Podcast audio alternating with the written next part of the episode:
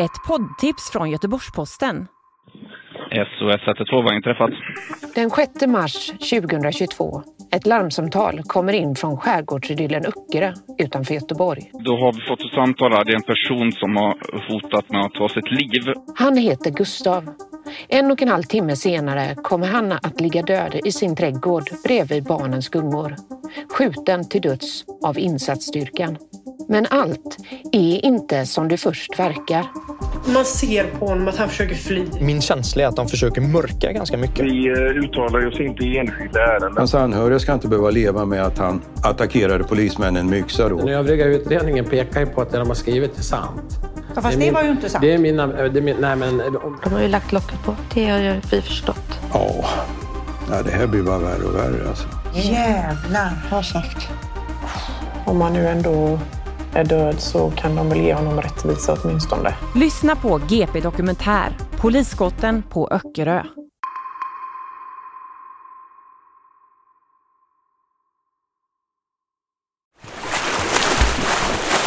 Simningen var ju liksom hennes fristad.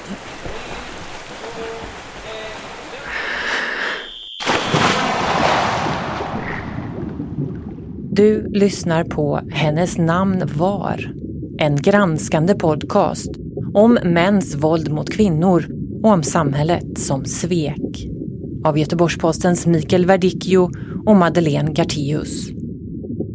Det är såklart att jag har funderat, var det någonting jag skulle kunna gjort för att uppmärksamma, se eller fråga, ställa rätt frågor liksom? Hon sa det att försvinner jag så är det han som har gjort det. Det är han som har tagit mitt liv. Och det här USB-minnet, det, det ska komma fram liksom.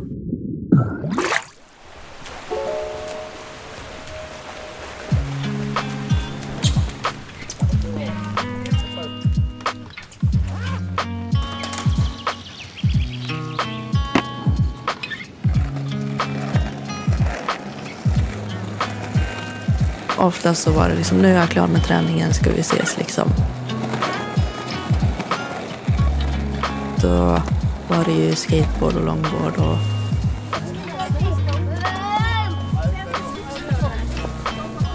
åkte runt stan och Ja men alltid glad.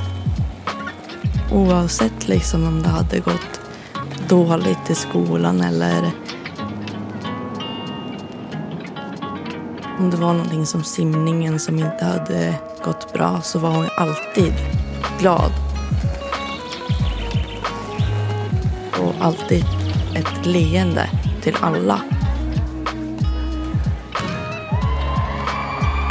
Som var ju vinnarskalle också. Visade sig, om idrott är ju för att ha kul. Om man mer idrott är ju, man ska vinna. Hon krossade ju alla killar. Hon gick all in i det liksom. Och ingen kunde krossa henne liksom.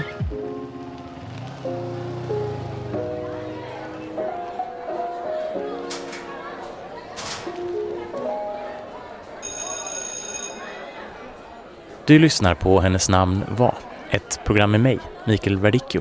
Och med mig, Madeleine Garteus. Ett program där vi granskar mäns våld mot kvinnor och fallen där samhället svek. I det här avsnittet har vi åkt upp till staden Hudiksvall i södra Norrland. Här skedde år 2017 ett mord som uppmärksammades i hela landet. Men i den här podden börjar vi historien i en annan ände. Hösten 2011. Det är nämligen året då en grupp tonårstjejer gör sig redo att börja sjuan. 13. De var 13. Så 13 år. Tjejen ni hör heter Moa Östlin och det är hon som kommer att berätta stora delar av den här historien. För henne är det här början på tonåren. Långtråkiga lektioner, skvaller i kafeterian och hemmafester med helt nya människor. Jag har väl alltid varit den här äh, att jag är mig själv, att jag kan liksom vara konstig liksom. Och det var oftast att jag fick henne att skratta. Och ofta så sa hon, nej men alltså du är störd i huvudet. Fast på ett bra sätt. En av tjejerna som Moa snabbt får kontakt med går i streetiga kläder och har långt blont hår. Hennes namn var Tova Moberg. Alla i klassen. Alla tyckte om henne. Och eh, hon hade ju liksom ett smeknamn som vi kommer ihåg ganska väl. Och det var liksom fisken för att hon simmade och höll på med simning. Och så var det en kille som en gång sa blubb blubb till henne. Hon skrattade. Mm. Tova är sporttjejen i klassen. Hälsar på alla innan hon i slutet på dagen vinkar hej då och drar iväg på simträning. Hon tävlade liksom. Hon var, hon var jätteduktig. Så det var också det som var en typisk dag för henne. Att hon gick på träningar. Eh, och hon var jävligt duktig liksom. Första minnet jag har med henne eh, är ju... Vi bestämmer att jag ska sova hos henne i två dagar. Jag skulle hoppa av i Njutånger kyrka. Så jag fick skjuts av min låtsaspappa. Och då står hon där med hennes pappa med skoter. Så då hoppade jag på den och så åkte vi igenom ängen som var typ genom skogen upp till henne. Det var ganska kul. Ja men det är ganska mycket tom mark. Det är mycket ängar och hästar på en gård. Och, och när man kommer upp till henne, det är som ett pippihus. För att det är stort och gult liksom. Och så ett litet garage då liksom. Men jag tror hon också kallade det för hennes pippihus. Så att det blev Pippihuset. Hennes mamma stod och lagade mat och så skulle vi eh, göra efterrätt. Så då skulle vi göra panna cotta. Och det gick bra att göra smeten. Eh, men när vi ska hälla upp i alla glasen så det sista glaset hon tar så råkar hon tappa det. så då stod vi och asgarvade åt det. Och, ja, hon var lite röd i ansiktet men det var mest för hon tyckte det var kul. Och det var så typiskt att hon skulle tappa sista glaset. Så då gjorde vi bara en liten till smet och nytt glas. Uh, och sen dagen efter så åkte vi ut till hennes stuga uh, på skoter. Och vi får ju äran, eller vad man ska säga, att köra skoten själv. Så att vi kör ju på isen. Så när hon körde då satt jag och höll klorna i henne. Hon sa det, du behöver inte hålla så hårt. Men hon var ju i fart då det skulle gå fort. Och hon gasade ju på så hårt så att det, vi råkade hetta upp skoten. Så då sa hon, ja men undrar hur vi ska förklara det här för pappa. Och så, hon hade jättebra förhållande till sina föräldrar så att det, det var liksom inte att hon fick någon skäll eller sådär utan ni kanske ska köra lite lugnare.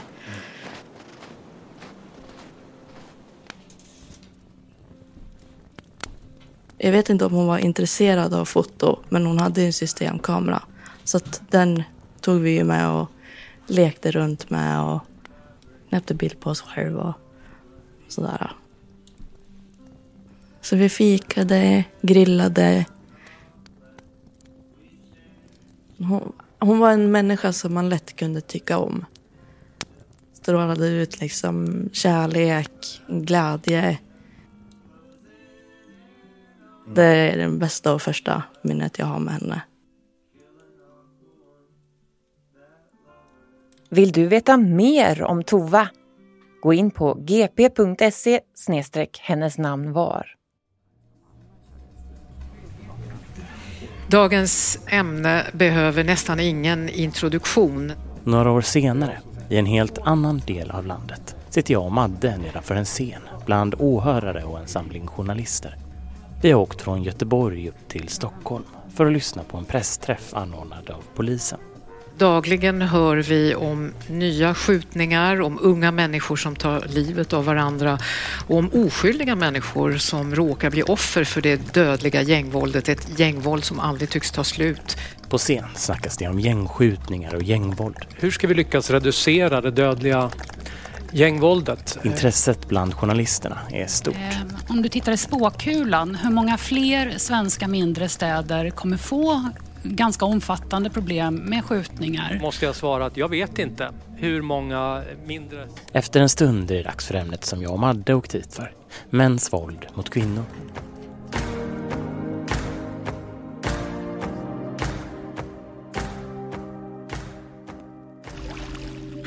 Varje år mördas i genomsnitt 15 kvinnor av en närstående. Den här grafen visar antalet år för år sedan 1990. Den vanligaste mordplatsen är kvinnans egen säng. Störst risk löper hon när hon har bestämt sig för att lämna förhållandet. Av de cirka 165 000 våldsbrott som anmäldes under 2021 begicks nära hälften, 44 procent, mot särskilt utsatta brottsoffer. Alltså personer som utsätts för brott i parrelation eller för våldtäkt. Av de kvinnor som dör har ungefär hälften av offren anmält eller berättat för någon att de har utsatts för hot eller våld innan det dödliga våldet. Vi hörde i den här um, filmen att man, de som är utsatta oftast haft kontakt med myndigheter och ändå inte fått hjälp, den hjälp de behöver. Alltså hur kan det komma sig? Ja, det är väldigt, väldigt svårt att förklara. På scenen intervjuas Olga Persson, ordförande för Unison som representerar kvinnojourer runt om i landet. Bredvid henne står rikspolischefen Anders Thornberg, högst ansvarig för polisen i Sverige. Eh, vi har otroligt mycket kunskap om mäns våld mot kvinnor i Sverige och i världen. Det här är ju inte som gängkriminaliteten eller skjutningarna någonting som har liksom startat på senare år utan från 90-talet och tillbaka så har vi också kartlagt eh, kvinnor som mördas.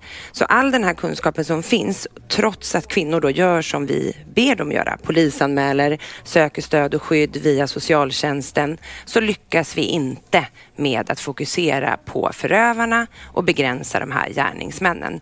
Eh, och det är ju polisens uppgift och det är det vi ska prata om idag. Det, ska... det är den största bristen som jag ser idag. Okay. Vi har hört att det här har ju pågått i, i, sedan urminnes tider men det, så här kan vi inte ha det. Eh, vi är fast beslutna från ledningen för svensk polis att, att vi ska satsa mycket mer. Det här är ett av våra fokusområden och vi måste få nya metoder, vi måste jobba på ett nytt sätt. Man vet ofta vem förövaren kan vara. Har, ibland får vi anmälningar, ibland får vi inte veta det.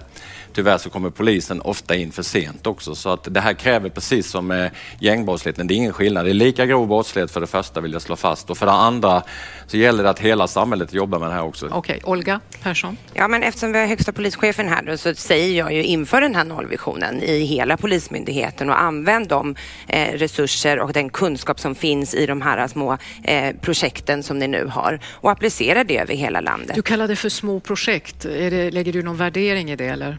Nej, de är för små. Tack för, eh, ni, för att ni deltog. Olga Persson, Anders Thornberg, du är tillbaks i slutet av det här programmet. Tack ska ni ha. Jag mig också. Där. Efteråt kommer en arrangör fram. Jag och Madde har ställt upp oss på en kölista för att få intervjua polischefen Anders Thornberg. Vi är tvåa på listan. Vi kommer vara kvar ungefär en timme om det är för intervjuer. Eh, och Anders ställer upp förstås på alla. Eh, annars så...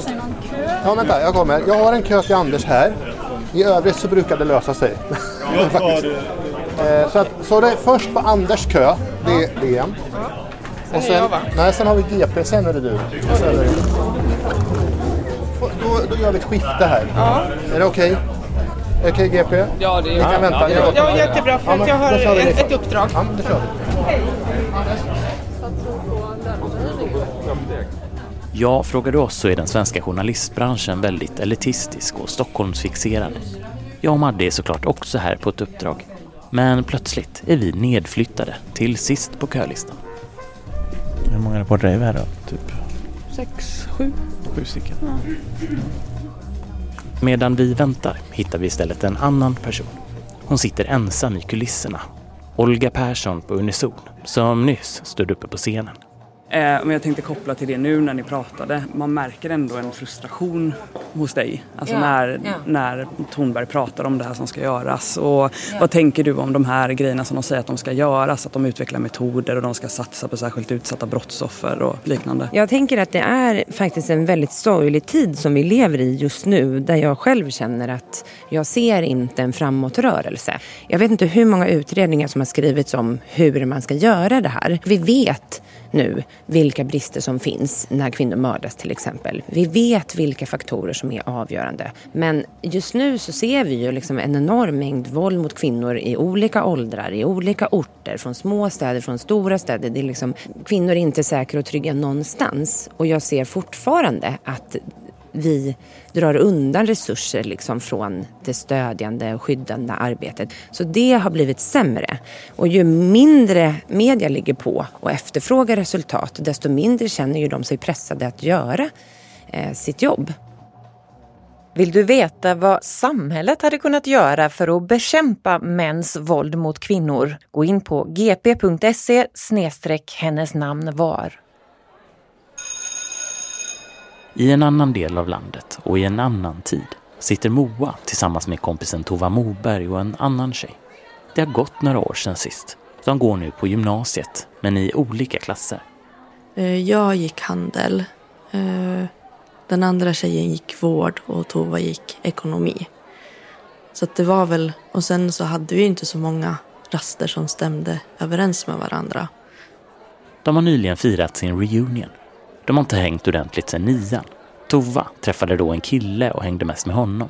Men nu är de återförenade och Tova är fortfarande densamma. Ja, alltså jag visste ju inte det förrän sent. Eh, för det här hade ju, de hade ändå haft ett förhållande sedan vi gick typ i nian. Då hade det ju gått två år. Men hon var väl den som mest höll ihop oss. Eh, den som var duktigast i skolan, eh, duktigast på allt i princip. Och jag var den liksom clownen, eller vad man ska säga. Eh. Tjejerna skriver med varandra på lektionerna.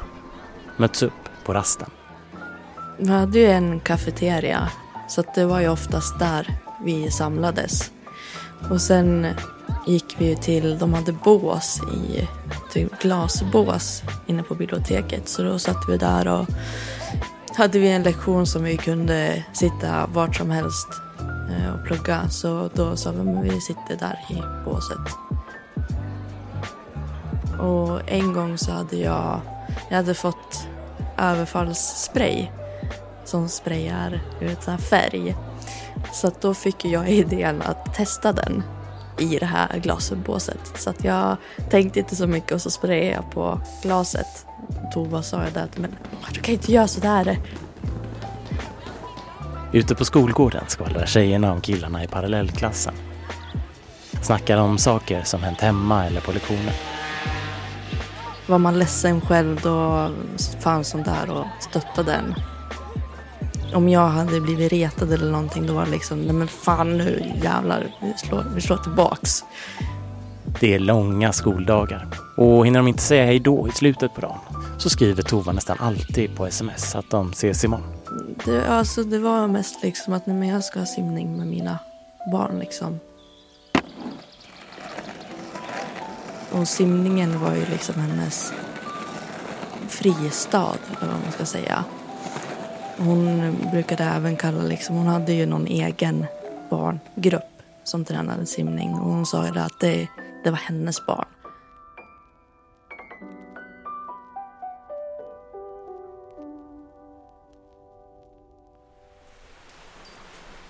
Det är till Iggesunds badhus utanför Hudiksvall som Tova åker efter skolan flera gånger i veckan. En som träffar henne nästan dagligen är simmaren Adam Rydstedt det, det som jag upplevde när jag simmade med henne, det var att hon, hon gav ju aldrig upp.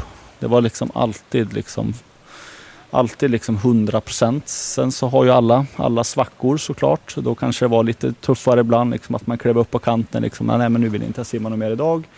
Men hon, hon hängde på liksom och våran grupp var ju ganska mycket grabbbaserad. Vi var ganska mycket grabbar i gruppen just på den tiden.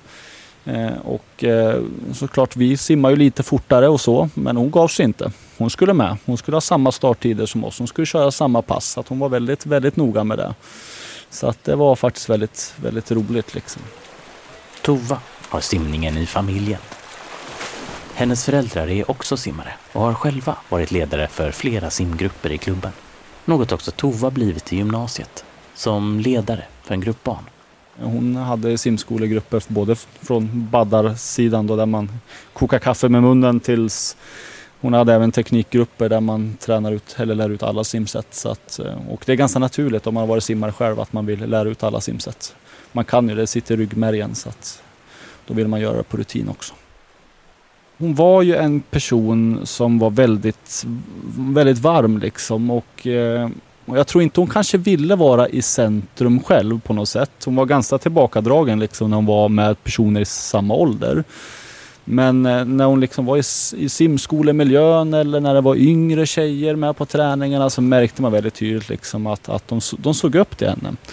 Och eh, hon kanske inte riktigt ville vara i den positionen själv på något sätt. Men eh, hennes aura gjorde så att hon blev den personen. Och eh, hon var ju otroligt omtyckt i simskolan, både hos föräldrar och, och de som var med i simskolan, också barnen.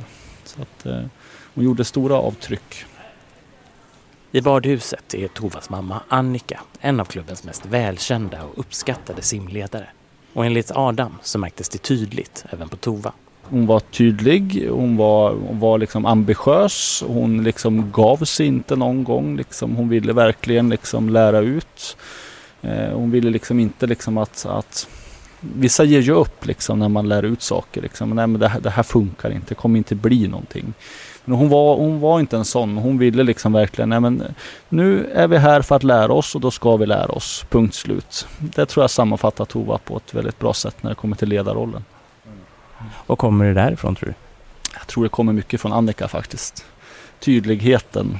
Är liksom, det, det, det, det är lite hårda men med glimten i ögat. I en av salarna på gymnasiet sitter Moa. Sneglar på mobilen där tjejgänget skriver med varandra i sin chattgrupp som de döpt till The Crew. Efteråt syns de i korridoren. Tova är den som kommer med idéerna om vad de ska hitta på efter skolan. Det var mycket liksom sån peppande som peppade folk också till att göra saker. Hon var ju den som fick mig att eh, söka mina första jobb. Eh, satt och hjälpte mig med både CV och personligt brev. Och när, vi, när jag skrev ut det så ja, kollade hon liksom och sa men det här kan du ändra på. Så här kan du skriva istället. Och så körde hon mig till de här platserna då för att lämna in CV. Så det var hon som fick mig att göra det. Jag hade nog inte gjort det själv om inte hon hade varit med. Hon hade ju typ redan sommarjobb så att eh, hon var ju där för att stötta mig. Och det är inte många som bara gör så. Hon tar sin bil och kör den och bara nej nu jävlar ska vi söka jobb. Tova har allt planerat och skriver ner allt hon ska göra i sin glittriga handkalender. Ritar små teckningar för hand på högtidsdagarna. Påskägg, födelsedagspresenter och små hjärtan på mors dag. Redan på 18-årsdagen är det bestämt. Körkortet ska Tova ta direkt. Ja, det, det var ett av hennes prioriteringar. Och det hade väl mycket med liksom att hon hade simskolan och sen att hon jobbade inom alltså hemtjänsten. Att det var ganska snabbt där. Men mest att hon ville kunna ta sig till simskolan. Sen fick hon ju skjuts av hennes pappa där innan. Men hon ville vara så självständig som möjligt. Hon fyllde år mycket tidigare än mig. Så då körde hon liksom eh, hennes pappa och mammas bil. Direkt när hon fick körkortet. Det är Tova som kör runt tjejgänget. De gör utflykter efter skolan och sena helgkvällar. Kör ut till kusten och platser med bra asfaltsvägar. Vi åkte till Ankamon Iggesund, eh, olika ställen och så tog vi med oss longboarden och skateboarden. Så jag fick låna hennes longboard och hon tog skateboarden för jag var mycket stadigare på longboarden. Det började väl också ganska tidigt då vi var det här gänget. För den andra tjejen hade också skateboard. Eh, så då började vi med att vara eh, på Hudiksvalls skateboardpark och träna upp lite liksom. Men det var ju roligare att åka på vägar och sådär. Och det är lite svårt med longboard och åka på en skateboardramp. Och ofta så gick vi och åt på Subway. Så att det var det. En dag, år 2016, sitter Moa hemma. Jag och mamma hade bråkat. Eh, så att jag bara, nej men jag vill inte vara här. Eh, och då peppade de mig att, jo men gå ut då. Alltså smit ut då liksom. Och jag bara, ja jag ska, jag ska göra det. Eh, så jag hade packat en väska först. Men det slutade ju med att jag lämnade den för jag vågade inte synas. Så då sprang jag ut och så var det liksom en liten bit till asfalten så att jag bad henne stanna vid asfaltsvägen. Så jag sprang där och så hoppade in i bilen och så bara kör nu, kör nu, kör nu. Så att, eh, men där också så sa Tove att men du måste berätta för din mamma vart det är i alla fall. Att du har gått ut liksom men du är på väg till mig. Så då gjorde jag det och så tog vi bussen till Sundsvall för att spara bensinpengar då. Så går vi, åker vi runt lite. Eh, så åker vi upp mm, eh, till ett av bergen i Sundsvall och så sitter vi där och bara tittar ut och tar det lugnt. En av oss hade högtalare med oss. Det var ju jättemycket ODZ mitt bland gatuljusen med ODZ. Och sen eh, den här Fronda-låten eh, Fria ikväll, tror jag den heter. Jag skulle försöka sjunga med. Jag bara, men bars, du behöver inte sjunga. Och så bara, nej men jag sjunger ju bra. Och så pratade vi liksom om, det var mycket om skolan och vilka liksom människor vi inte tyckte om och, och skrattade åt där liksom. Eh, och ibland tänkte man liksom bara, åh, vilka jävla bitches. Det är mindre än ett år kvar till studenten nu.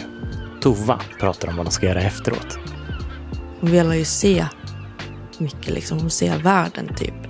Åka utomlands och Bahamas stränder, vita stränder liksom. Och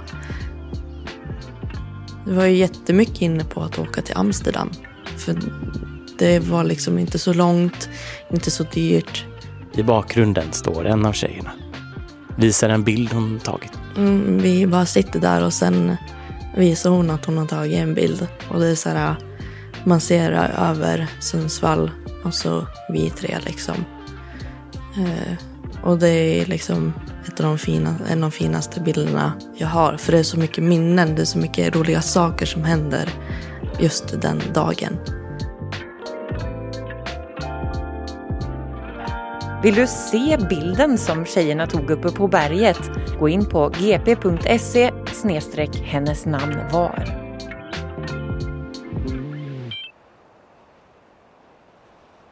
Vi hade väl kanske lite på känn eh, vad som för sig gick liksom och vad, vad hon blev, alltså saker som hon blev kallad typ. Eh, men det var liksom... Det är hösten 2016 när Moa får ett meddelande från Tova. Hon frågar tjejerna om de kan ses nere i hamnen. Och så sitter vi där och pratar lite och så säger hon där att nu, vi måste liksom ta en paus. Och så visade hon eh, Tova säger att hennes pojkvän inte vill att hon träffar Moa och tjejerna mer. Killen har alltid varit svartsjuk och kontrollerande. Men den senaste tiden har han börjat bli allt mer våldsam. Tova har ett rött märke på halsen och visar upp hotfulla meddelanden som pojkvännen skickat. Tova berättar att han hotat att döda henne och bränna upp hennes familjs hus om hon går till polisen. Hon är samtidigt rädd för att göra slut. Så Moa och tjejgänget får lova att de inte hör av sig längre till Tova på telefon tills allt lugnat ner sig. Hon sa det att men jag, jag vågar inte ens prata mer på skolan. För att mm, han kanske har kompisar som kan säga till honom att vi pratar. För han tycker inte om när jag umgås mer. Då hon sa också det att jag förstår om inte ni vill vara vän med mig längre.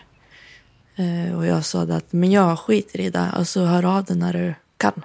När vi kan ses igen. Eller skriv bara ändå. Det behöver inte vara liksom att vi måste träffas utan vi pratar bara. Och det, det var väl kanske, det kändes inte som ett långt uppehåll idag.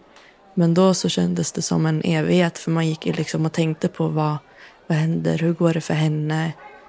Man sa inte hej till henne i skolan liksom för att det blev så påtagligt för henne.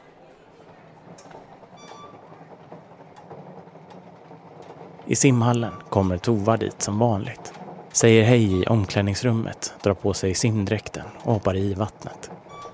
Nej, men Tova var alltid liksom den glada, positiva personen eh, på något sätt. Eh, jag, kom, jag minns ju väldigt tydligt liksom när vi simmade i A-gruppen tillsammans i simsällskapet innan jag gick vidare och blev tränare eh, strax efteråt. Eh, vi var på ett, ett, ett läger i, eh, i Torremolinos, mitt första som tränare. Vi, vi chartrar en buss, liksom, hämtar upp folk i Hudik här. Sen tar vi Bollnäs, Söderhamn och sen så åker vi ner till Arlanda. Sen flyger vi ner såklart. Ja, direkt till hotellet. Kör första simpasset ofta samma eftermiddag som vi kommer. Eh, man får inte spilla för mycket tid. Det är vi noga med. Och sen så är det liksom träning morgon, kväll, hela veckan förutom några dagar där man har få ledigt. Och det är liksom för att ja, men uppleva främst där man är. Just den här resan så var vi nere på Gibraltar faktiskt. Så att vi var uppe och träffade de kända aporna på Gibraltarberget. Tova simmar fram och tillbaka utan en enda paus. Direkt när träningen är klart, man äter lunchen, då springer man ner till stranden för då ska man bada. Man har inte fått nog med att bada alltså i simhallen utan man ska bada mer.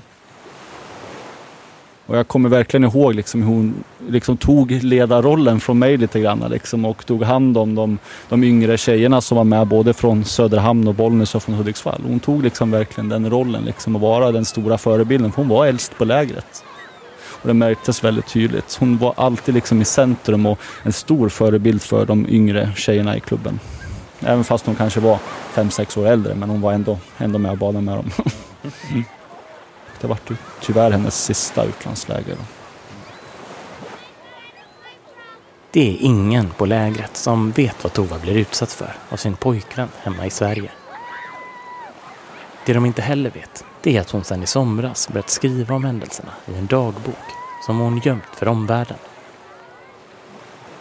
Nej, jag ska inte säga att jag märkte av det på så tydligt sätt, ska jag säga. Eh, jag hade några gånger. Jag har en minnesbild när eh, hon hade varit borta ett tag. Eh, sen skulle vi ha träning nere på gymmet här i källan och jag tyckte att hon att hon, det såg ut som att hon hade ramlat eller liknande. Liksom. Hon var ganska blå på vissa delar av kroppen sådär. Du pekar på axeln? Ja, liksom axelpartiet skulle jag säga. Till slut tar Adam mod till sig och frågar jag reagerar på det i alla fall. Så att, eh, jag kommer inte ihåg om jag sa det till Tova direkt eller om jag sa det till, till Annika och frågade liksom om, om hon hade ramlat. Eller, för det gör ju oftast en tränare liksom för att det kan ju påverka hur, hur te te tekniken är eller hur mycket man ska lyfta på gymmet eller liknande. Så att jag ställde liksom ändå frågan och jag fick det typiska svaret liksom att man har ramlat så. Eh, och i efterhand så förstod jag ju att det inte var så. Eh, så det är såklart att jag har funderat om och om och om igen liksom gång efter gång efter det här hände liksom att var det någonting jag skulle kunna gjort annorlunda? Är det någonting som någon annan skulle kunna gjort annorlunda liksom för att uppmärksamma, se eller fråga, ställa rätt frågor liksom. Det är en process som man själv har gått igenom också eftersom att man har träffat Tova så pass många gånger under sista tiden. Så att det där är ju någonting som ändå på något sätt lever kvar på något sätt. Liksom att skulle man kunna ha gjort någonting annorlunda? Skulle det kunna sluta på ett annat sätt då? Eh, dock vill jag inte fastna för länge i de tankarna för det blir inte bra för mig själv eller för de i min omgivning om man säger så.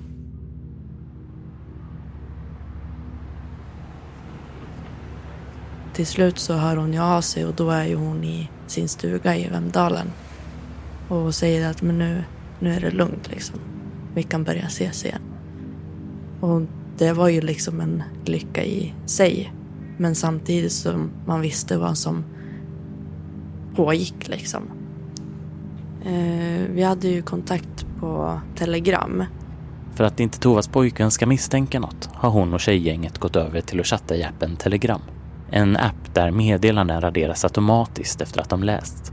Efteråt möts vännerna upp i smyg. Går igenom meddelandena som pojkvännen skickat till Tova. Det vi fick se av vad de hade skrivit, det var ju oftast när vi träffades på skolan. Tova säger att det bara blivit värre. Visar upp nya grova meddelanden med hot som pojkvännen skickat. Moa ser att Tova är blå under ena ögat men att hon försökt sminka över det. Hon berättar att hon har lite ont i revbenen. Eh, så då sa jag att, men, till den andra tjejen att ja, men, vi måste göra någonting. Jag vet att hon inte vill men det måste hända någonting. Eh, för det var så alltså, allvarliga saker. Eh, ja, det var nog jag som sa till den andra tjejen att eh, men nu får det vara bra. Vi, vi åker faktiskt till polisen. Jag sa att vi, vi måste. Så, att, så vi tog bussen ner. Eh, och så fick vi liksom meddelande av Tova att men ska vi ses idag eh, på håltimmen. Eh, och så sa vi att ja men vi, vi fick ju småljuga för henne just då. Polishuset ligger i centrala Hudiksvall. Efter att ha anmält sig i receptionen blir Moa och hennes kompis inkallade på ett rum. Det var ju mest att vi berättade eh, situationen. Eh, saker som vi visste som Tove hade sagt till oss. Eh, vad han hade gjort mot henne. Eh, de här märkena som hon visade när vi var på Möljen och vad det var för märken. Moa och kompisen berättar att deras vän Tova är livrädd för sin pojkvän och säger att polisen måste vara diskreta och inte få göra en för stor grej av det här så att pojkvännen inte får veta något. Samtidigt sitter en kvinnlig polis och antecknar allt de säger. Ja, de sa ju liksom att de kunde inte göra så mycket för att hon måste göra en anmälan själv.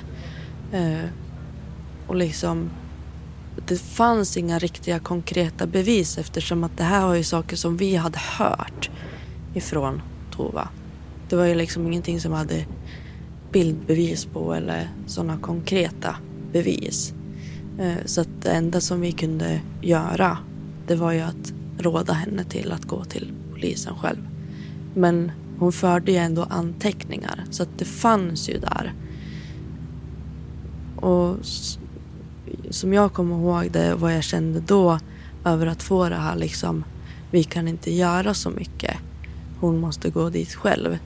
Jag kände mig typ sviken av polisen. Man var ju både nervös och rädd när man satt där för att man visste liksom i vilken situation man hade satt Tova i.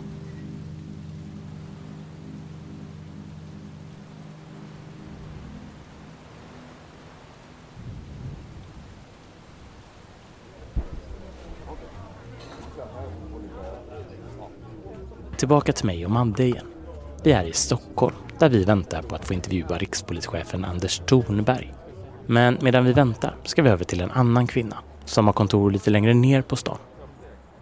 Jag heter Moa Mannheimer och jobbar som utredare på Socialstyrelsen med något som heter skade och dödsfallsutredningar. De senaste tio åren har hon jobbat med att gå igenom alla kända fall där kvinnor dödats av en närstående. Socialstyrelsen har fått i uppdrag av regeringen att utreda vissa fall av där en vuxen har dödats av någon närstående eller tidigare närstående.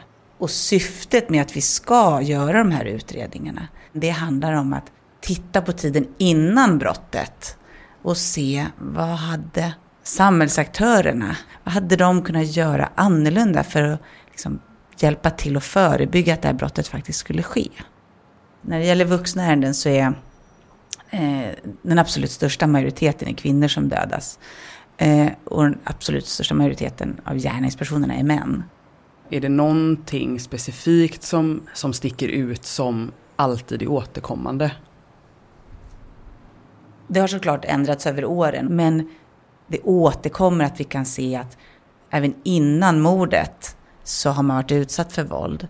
Och vi kan se att man har haft mycket kontakter med samhällsaktörerna. Och trots att man kanske har kunnat få indikation på att det finns våld eller till och med känner till det, så, så, så erbjuds man inte tillräckligt med stöd och hjälp för att faktiskt skyddas från våldet. Och det är ju något som har återkommit. Vi kan se att man söker hjälp, att man ber om hjälp, man liksom signalerar sin utsatthet ganska kort in på brottet.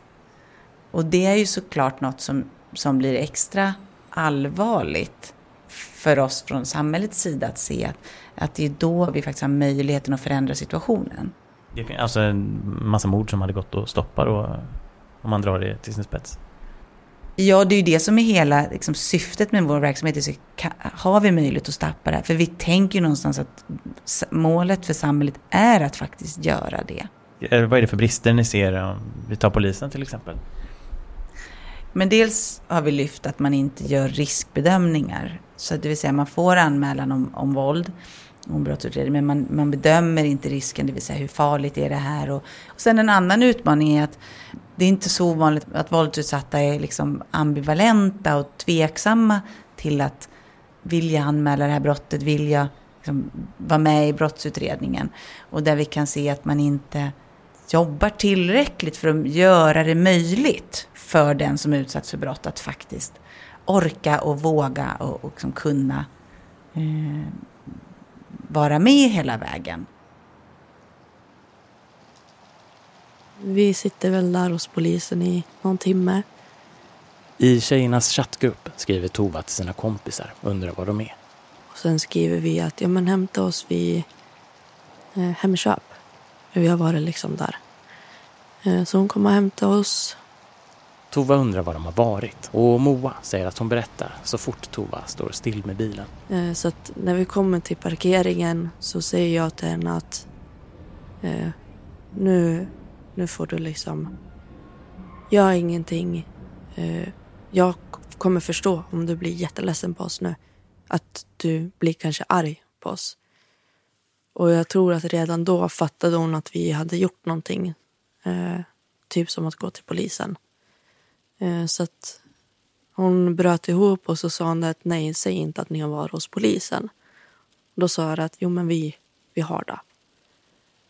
Eh, och det enda liksom sa att nu, hon bröt ihop ännu mer. Eh, var jätte, jätterädd. Eh, hon skakade och så sa hon liksom det enda hon sa det var att nu, nu är jag död. Nu är jag död på riktigt. Då försökte vi förklara för henne att nej men vi polisen kan för det första inte göra någonting för du måste gå dit själv. Och vi har sagt till polisen att ni får inte göra någonting, ni får inte höra av er till honom, ni får inte säga någonting utan det här måste vara väldigt internt. Tova var ju fortfarande ledsen men liksom fick något slags lugn i sig. Men jag sa att de kommer ändå inte göra någonting. Så att det är där jag minns. För att hon, jag har aldrig sett någon människa vara så rädd. Så att vi gick in och hade lektion som vanligt och så träffades vi efter skolan och så hade vi roligt. Liksom. Vi pratade lite om vad vi hade sagt till polisen och sånt där. Men att det blev typ snabbt glömt för att fokusera på allt det roliga som vi skulle göra.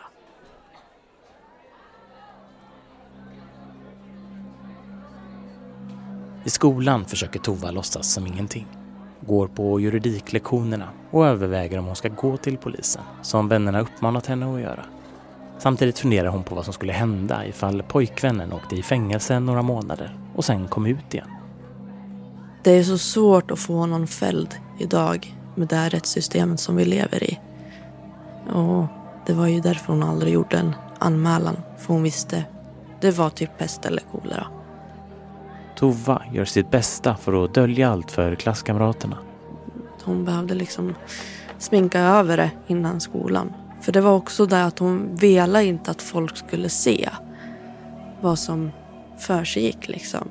Och ibland hade hon oftast halsduk liksom för att inte visa för att andra skulle se och undra eller fråga eller liksom sådär. En dag sitter Tova och Moa i biblioteket när pojkvännen skriver. Han skriver att Tova är en slampa och kallar henne för grova könsord för att hon inte svarat tillräckligt snabbt. Han skriver att hon är en korkad feminist med vriden världsbild. Att hon ska lyda honom till 100% om hon inte vill dö. Skriver att han kommer slå sönder henne om hon är nära andra på studenten som är om bara ett par månader. Då är det så att man kunde inte screena de här konversationerna för att då ser den man pratar med att man har screenat. Och sen försvinner meddelandena. Så fort man har öppnat det och går ur appen så kan det försvinna. Eh, så att jag eh, tog bild på det liksom och sa den, men nu får det vara nog. Och då var det liksom viktigt att jag skulle spara de här på ett USB-minne. Vilket jag gjorde sen också för att hon hade ju tittat så mycket på kriminalserier eh, och fick liksom idéer. Och då berättade hon att hon skrev dagbok och att hon hade just ett USB-minne som hon hade gömt. Eh, så att vi kunde förmedla det till polisen sen också att men det finns ett USB-minne. Hon sa det att försvinner jag så är det han som har gjort det. Det är han som har tagit mitt liv. Och det här USB-minnet, det, det ska komma fram liksom. När man ser det liksom så förstår man ju också varför hon gömde det så pass. Det var ju bland annat liksom bilder på märken som han hade gett henne. Liksom blåmärken. Eh, och det var väl det som var huvudsaken i den här. Liksom. Hon hade ju sin text också. Eh, den här dagboken som hon hade gömt. Men att bilderna skulle vara mer ett fysiskt bevis typ.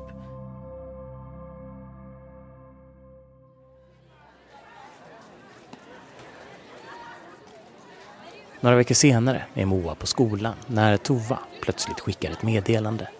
Hon skrev att kan du möta mig i aulan, typ. Det är liksom korridoren och så finns det en aula. Och då satt jag där och väntade liksom och så bara, men vad, vad är det nu liksom du ska berätta? Och det första hon sa det var liksom, jag, Moa, jag, jag är fri. Jag bara, men du skojar nu. Det, det här är ett skämt. Hon bara, nej men det, det är sant.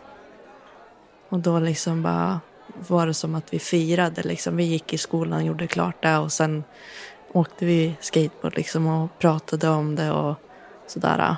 Eh, berättar hon liksom att nej, men nu, nu är det över. Tova har en färsk blåtira som hon sminkat över. Hon har inte längre kunnat dölja våldet för sin mamma som tvingat Tova att berätta allt och skriva till killen att det är slut. Samma dag ringer mamman till polisen och gör en anmälan. Hon berättar att Tova kontrollerats och misshandlats av sin pojkvän i flera år. Att hon har färska skador i ansiktet och att dottern är livrädd. Polisen skriver en anmälan om en enskild misshandel och först flera dagar senare hör en polis av sig till Tova som är tveksam till att bli förhörd. Det är tänkt att polisen ändå ska utreda misshandeln mot Tova. Men allting förändras i början av april när något annat händer nere i Stockholm.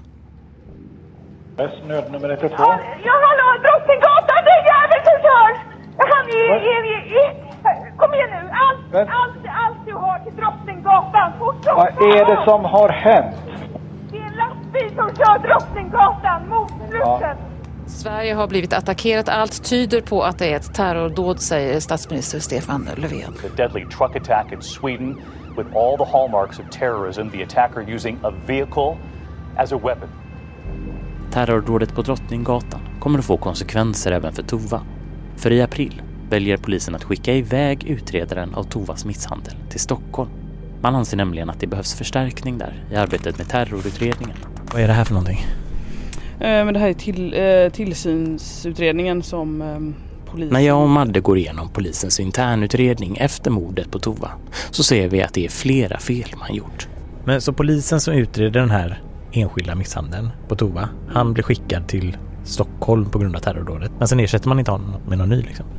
Nej precis, det, det står att tanken är att han ska fortsätta bevaka det vid sidan om från Stockholm. Ja, och det, och det görs inte ordentligt då? Ja. Nej. Alltså sen så begås det ju även fel första gången som mamman anmäler. Eh, för man kan se här att ja, men dels att de som tog emot anmälan gjorde bedömningen att eh, Tova inte var i behov av skydd. Eh, trots att hon hade färska skador. Eh, och sen valde man dessutom att rubricera allt som en enskild misshandel. Och jag tänker att de skulle ha rubbat det här som kvinnofridskränkning då när man pratar om saker som har hänt förut. Och sen några veckor senare när polisen som utreder den här misshandeln väl kommer tillbaka så är det för sent. Ja, och då är ju Tova redan död.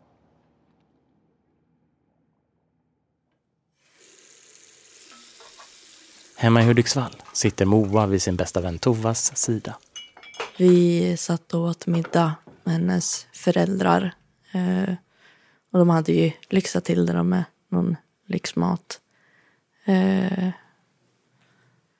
så gick vi ut någon gång ibland. Eh, så gick vi in. Tova har äntligen funnit modet att göra slut. Försöker hålla tillbaka tårarna i skolan medan tjejgänget tröstar henne. Skit i det andra liksom. Gör det här. Vi står vid din sida liksom. Vad ska han göra typ? Eh, Hon är för första gången fri. hon sa det att jo, men, jag vet inte hur jag ska göra med balen.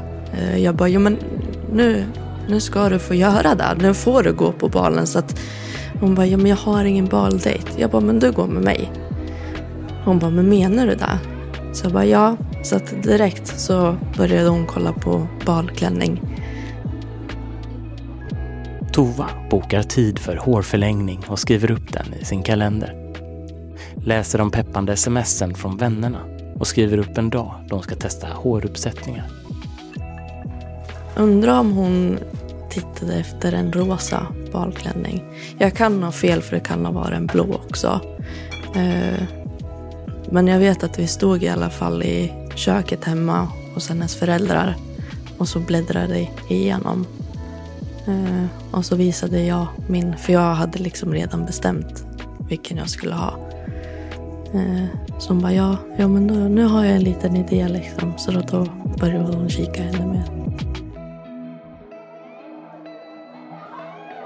Självklart var, var det väl lite så här vemodigt eller vad man ska säga för att det var liksom slutet på skolan. Man har gått i skolan så länge. Men vi var också noga med att men vi ska ha kontakten efter studenten. Vi måste hålla ihop liksom. Det är ju vi liksom.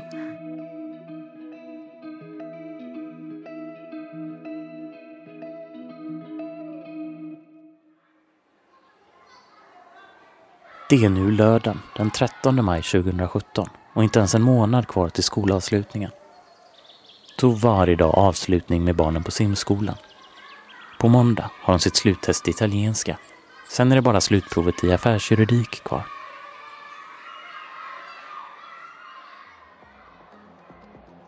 The jury of Denmark sends 12 På kvällen är det Eurovision på TV.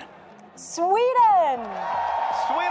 Medan halva svenska folket sitter bänkade framför finalen som hålls i Ukraina, där Robin Bengtsson tävlar för Sverige, är Tova inbjuden till en fest. Bara någon dag efter så eh, ringer hennes mamma till mig. Och det är så här, jag har liksom inte svarat för jag har inte vaknat liksom. Så att jag ser ju att jag har 13 missade samtal ifrån mamman. Och då förstod jag, alltså det blev bara som någon slags instinkt att nu har det hänt någonting. Det visar sig att Tova aldrig dykt upp på festen. Det sista spåret av Tova är ett besök hon gjort hos sin expojkvän på kvällen. Dagen efter är hon borta och anmäls försvunnen hos polisen. Vi letar alltså en, en flicka som är försvunnen. Det är arbetshypotesen nu. Så att vi har personal ute i terrängen och vi har tagit hjälp på morgonen här och utav helikopter också. Det har nu gått nästan två dygn sedan 19-åringen försvann och polisen har under dagen arbetat intensivt. Det gick ganska fort från den där äh, helgen där hon var rapporterad försvunnen tills hon hittades. Så att, eh, och hela tiden tänkte man ju själv att nej, men det, är, det, är inte, det, är inte, det är inte Tova. Det är inte, det är, hon, hon kommer hem igen, det är lugnt. Det är, hon kommer vara här nästa vecka på simskolan, det är liksom ingen fara. Men eh, så vart det ju inte. Välkomna till polisens och åklagarens presskonferens. Det är med djupaste smärta och sorg som vi kan berätta att vi har funnit Tove Mobergs kropp. Det gjordes av sjöpolisen igår kväll. Det är en sjö vid expojkvännens hem som Tova hittats. Nedsänkt i vattnet. Det har varit ett 50-tal poliser som på olika sätt har deltagit i eftersökningarna. Och våra tankar går självklart denna stund till Toves mamma, pappa, nära och kära. Hur har hon bragt om livet? Det är en uppgift som vi idag helt enkelt inte kan säga. Kan du säga någonting om var, hon hittades någonstans? Och i vilket skick var kroppen?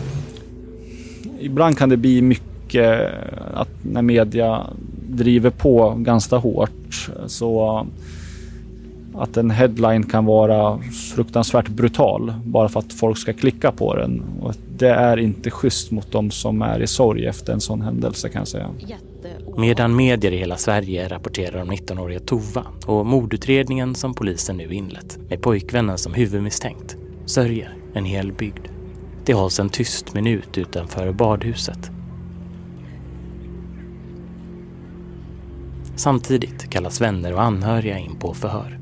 De förhörde ju väldigt många människor då. Jag tror att hela processen tog nästan ett år. Eh, vi kom in på förhör. Moa kallas in på fem förhör. Hon får bland annat frågor om Tovas dagbok och USB-stickan som polisen hittat gömd under Tovas säng. Bilderna och dagboken kommer att bli viktiga bevis för poliserna som säger till Moa att de är förkrossade över vad som hänt. Och sen blev jag ju besviken sen när de säger ja, hade vi vetat av det här så hade vi gjort något mer. För då tänkte jag att men vi kommer ju att la fram så mycket då när vi gick liksom till polisen själv och berättade hur det var. Att det var ändå ganska mycket som vi hade då. Så att man både skuldbeläggde poliserna eh, och sig själv. 19-åriga Tova Moberg mördades av sin expojkvän och han eh, får livstidsfängelse. I februari 2018 jublar tyckare och experter i landets tidningar över livstidsdomen mot expojkvännen. Ja, just nu så tycker jag väl ändå att vi får vara nöjda med utfallet av det hela. Det, det, det, måste jag väl säga. Det är ju riktigt bra. Det är mycket bra och det är ändå... Jag hade inte riktigt räknat med det för jag tänkte det att, att eh, det kanske blir en, en, ett långt straff men inte just livstid. Och det är mycket bra för att det är fruktansvärda händelser också som föranledde det här. Mindre skrivs det om Tova, men också om den internutredning som polisen gjorde efteråt som visade på en rad allvarliga fel. Madde bestämmer sig för att ringa upp polisen. Vi vill veta varför de inte gjorde mer när de fick höra om våldet som Tova utsattes för. En utredare fick eh, ärendet när Tovas mamma gjorde en anmälan då om misshandel eh, och att denna sen förflyttades till Stockholm med anledning av eh, terrordådet 2017. Precis, precis. Max Forsström är idag chef för utredningssektionen på polisen i Gävleborg. När Tova mördades jobbade han på utredningsjouren. Men hur kommer det sig att det inte flyttades till en annan utredare som var liksom kvar? Det är jättesvårt för mig att svara på exakt varför det inte blev så där och då 2017. Men 2017 då fanns det en grupp för eh, det här uppdraget. Det var en grupp som hade ett kombinerat ansvarsområde. De jobbade med både barnrelaterade brott och så jobbade man med relationsvåld och med grova brott, alltså den övriga kategorin utav brott. Då att för många ska ha för många uppdrag eller att, att få ska ha ett väldigt spretigt uppdrag, att, eh, den är lite farlig för då tror jag att det finns en risk att eh, ja, hur ska jag uttrycka det? Jag tror att det finns risk att vi tappar ärenden helt enkelt mm. för att det här är ett hantverk. Ja, för få poliser som ska göra allt på en gång leder alltså till att vissa utredningar kan bli liggande.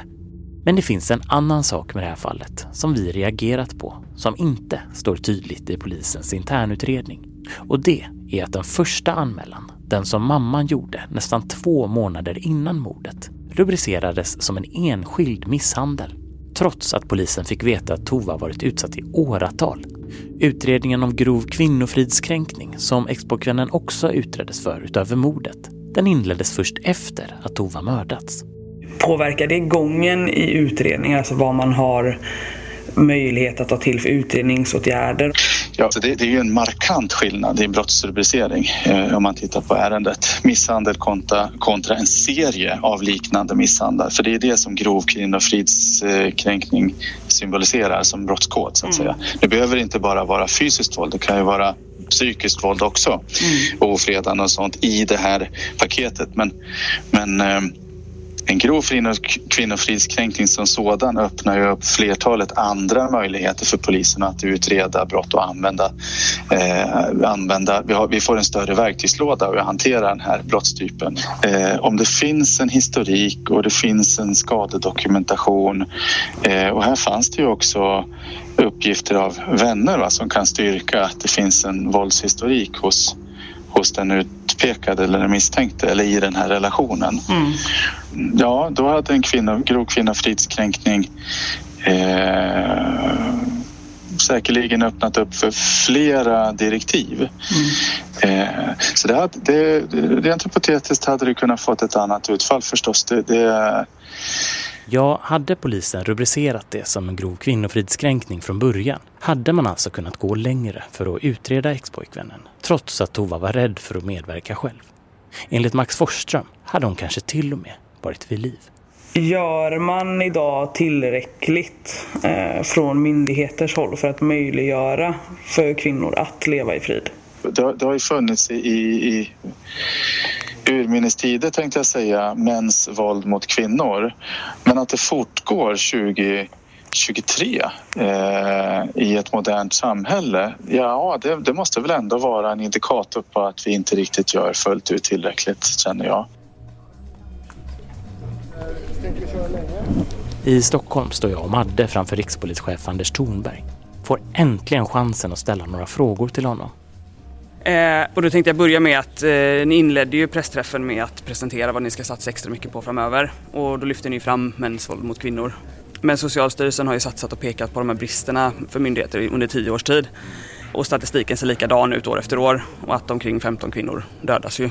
Eh, och de som blir misshandlade blir ju inte färre i relationer. Eh, varför händer ingenting? Eller varför händer så lite?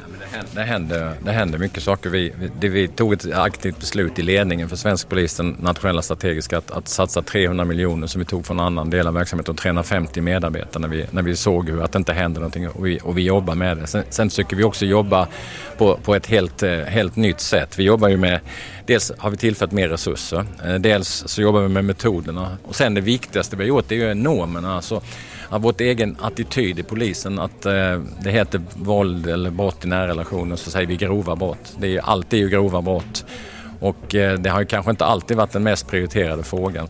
Vi har fått in lite mer anmälningar. Vi har varit ute, haft eh, eh poliser som har varit ute som är utbildade som förhandlare, varit ute och, och, och pratat med eh, potentiella gärningsmän eller gärningsmän som har slagit kvinnor tidigare för att eh, se om vi kan påverka dem att sluta slå, att inte göra det och tala om att vi är aktiva från, från polisen. Sen är det oerhört viktigt att Socialstyrelsen fortsätter med att granska och vi har själv en tillsynsenhet där vi jobbar tillsammans med Socialstyrelsen för att granska varenda ärende där, där det dör en kvinna för att se om vi har missat någonting. Men vi har en lång väg att gå. Vi är absolut inte framme ännu och vi är, vi är ödmjuka i polisen också och säger att vi måste bli bättre på det här och, och, och, vi, och det vill vi bli och det, och det ska vi bli. Mm. Ja. Eh, en grej till då. Tovas fall är inte unik på något sätt. Samma typ av brister som upptäcktes i Tovas fall är något som myndigheter fortsatt slår larm om. År efter år, än idag varför är det så? Hur, kommer man, hur får man bukt på det problemet? Liksom, hur jobbar ni med det nu?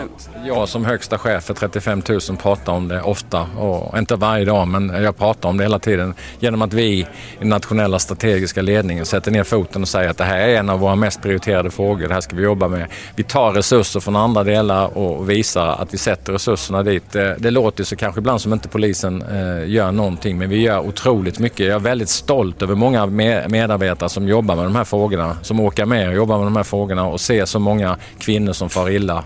Tusentals blir misshandlade som kanske inte alltid, eh, i statistiken så räknas det med en fällande dom. Ibland kan man ha ett ärende som tar ett par timmar att utreda som är ganska enkelt när någon har misshandlat någon så får man ett streck i statistiken. Ibland kan vi jobba hundratals timmar. Vi kommer inte ända fram till en fällande dom men vi ser till att kvinnan kommer i skydd, att de kommer till ett skyddat boende. Vi hjälper kvinnan och hennes barn eller familj på många olika sätt och det räknas inte på samma sätt. Så att, eh, jag är väldigt stolt över det arbetet som vi gör i polisen, över de medarbetarna som gör det. Men vi måste bli ännu bättre ändå och vi måste se till att framförallt som med gängskjutningen, att man, man måste prata om det mycket. Och man måste också se till att, eh, att, eh, att andra delar i samhället engagerar sig. Ja, han är jag tuff. lovar. Han är tuff. Han är Tack snälla Anders. Tack så jättemycket. Tack för att ni skriver om det, för det är otroligt viktigt. Ja. Jag tycker att det är någonting fult man gör mot de som har gått igenom det här. Det har nu gått sex år. Över 2000 artiklar har skrivits om mordet på Tova Moberg. Samtidigt som det gjorts flera dokumentärer om hennes mördare. Vad krävs det för att ta en annan människas liv? Han eh, blev ju mobbad på grund av att han eh, var lite överviktig. Sen det här med att han hade här problem med skolan ibland. Han hade liksom svårt att koncentrera sig ibland. Det, det är så mycket fokus på honom. De lägger upp det precis som att han var ett offer eh, på grund av den här mobbningen eller att han inte hade båda föräldrarna på samma ställe. Jag menar, jag har blivit mobbad. Jag har inte ens kontakt med min pappa och aldrig haft det. Jag har inte gått ut och mördat någon. Nu har han lagt liksom sitt lock. Det har inte kommit någonting om Tova. Det har liksom bara de här hemska bilderna liksom på hur hon såg ut. Nu kan det kanske vara dags att bilderna på hur hon såg ut innan. Vad hon var för person. Kvar finns anhöriga som kommer tvingas leva med sorgen resten av livet. Jag tog det ju jätte, alltså jättehårt. Jag kände ju att jag inte hade någonstans att vända mig till. Så att jag tog min egna väg och bedövade alla de här tankarna, känslorna. Eh, sår läker, men ärr består.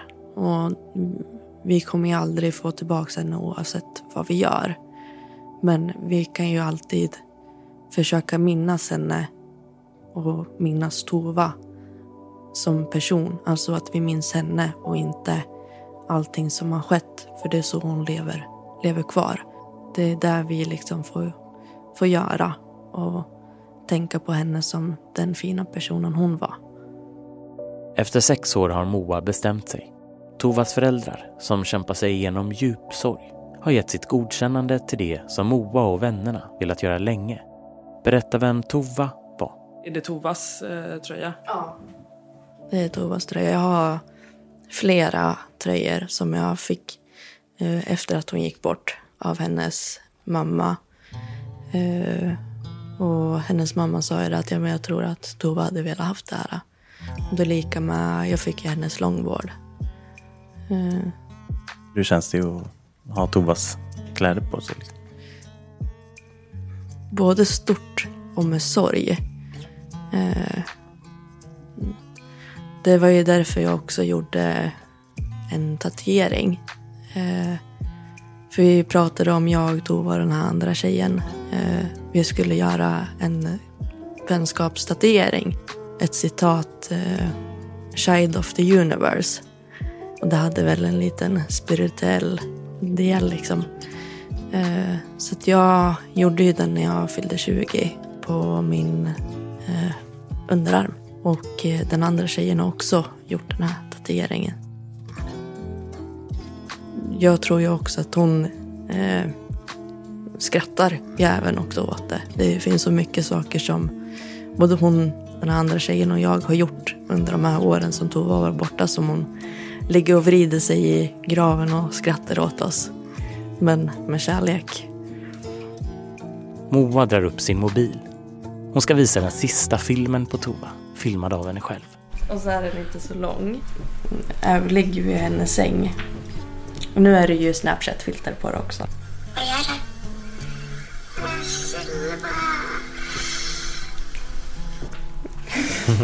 I ett annat klipp, som hennes pappa filmat, ser man Tova åka snowboard i en backe. Härligt! det var skitkul, men vi provar igen. Ja då.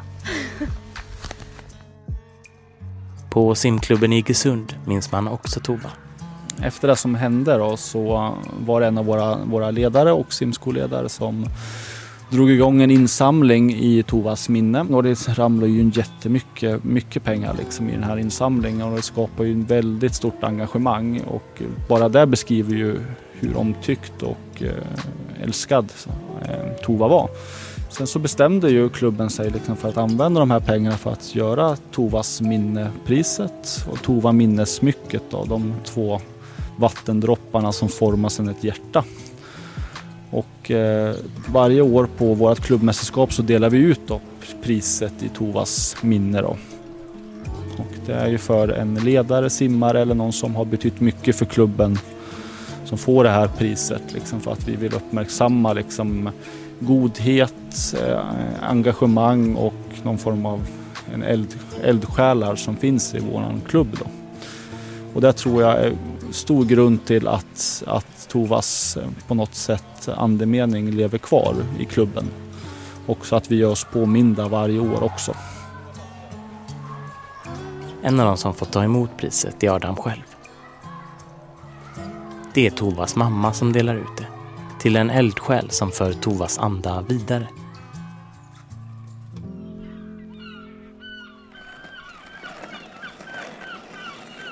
I centrala Hudiksvall hörs fortfarande hjulen av Tovas longboard. Idag är det någon annan som åker på den. Det är Moa, klädd i Tovas gamla kläder, som bestämt sig för att hålla minnet av sin vän i liv. Jag tror att hon hade fortsatt att tränat liksom och tävlat i simning. Idag skulle hon ha vunnit liksom världskupper den här äh, podden som det blir nu har ju jag egentligen bara gått och väntat på att det blir någonting om henne. Att det inte blir liksom bara om honom och vad han har gjort utan vad hon gjorde och vad hon hade kunnat typ blivit. Att vi får minnas hennes personlighet. Det är hennes tur. Det, det är alla de här tjejernas tur att få synas alltså och höras alltså, och att vi minns dem istället för alla andra. Den känslan som Tova skapade i simskolan när hon var aktiv där, den känslan finns kvar på något sätt. Att man är snäll, man är ödmjuk, lite granna hård men liksom ändå liksom har glimten i ögat för att få liksom helheten. Så att jag tror lite granna, lite Tova-anda hänger kvar i vår simskola. För mig lever hon absolut kvar liksom i badhuset i sig. Eh, ibland kan jag liksom Ibland tycker jag att jag kan se henne ibland liksom i vissa skepnader i hallen liksom. Och, eh, när man är här inne och när man precis kommer hit ska tända upp badhuset kan man tycka sig se liksom en skuggbild eller någonting. Liksom. Det är så mycket minnen som finns.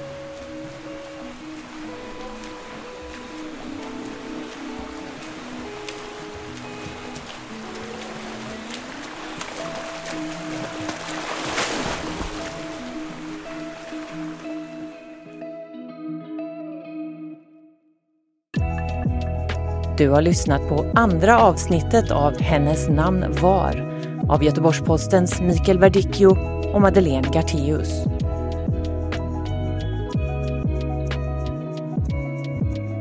Har du själv erfarenhet av relationsvåld eller har du åsikter om programmet? Ring in till vår telefonsvarare och dela med dig av din historia. Numret är 010-810 91 31.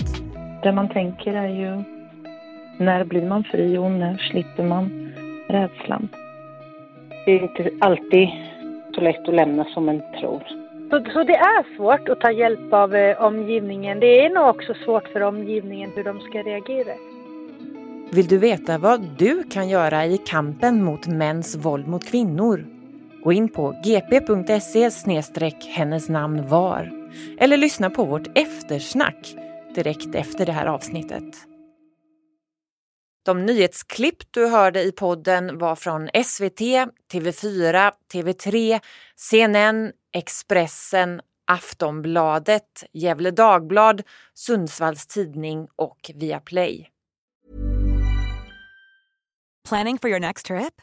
Elevate your travel style with Quince. Quince has all the jet-setting essentials you'll want for your next getaway, like European linen, premium luggage options, buttery soft Italian leather bags, and so much more. And is all priced at 50 to 80% less than similar brands. Plus, Quince only works with factories that use safe and ethical manufacturing practices. Pack your bags with high-quality essentials you'll be wearing for vacations to come with Quince. Go to quince.com/pack for free shipping and 365-day returns.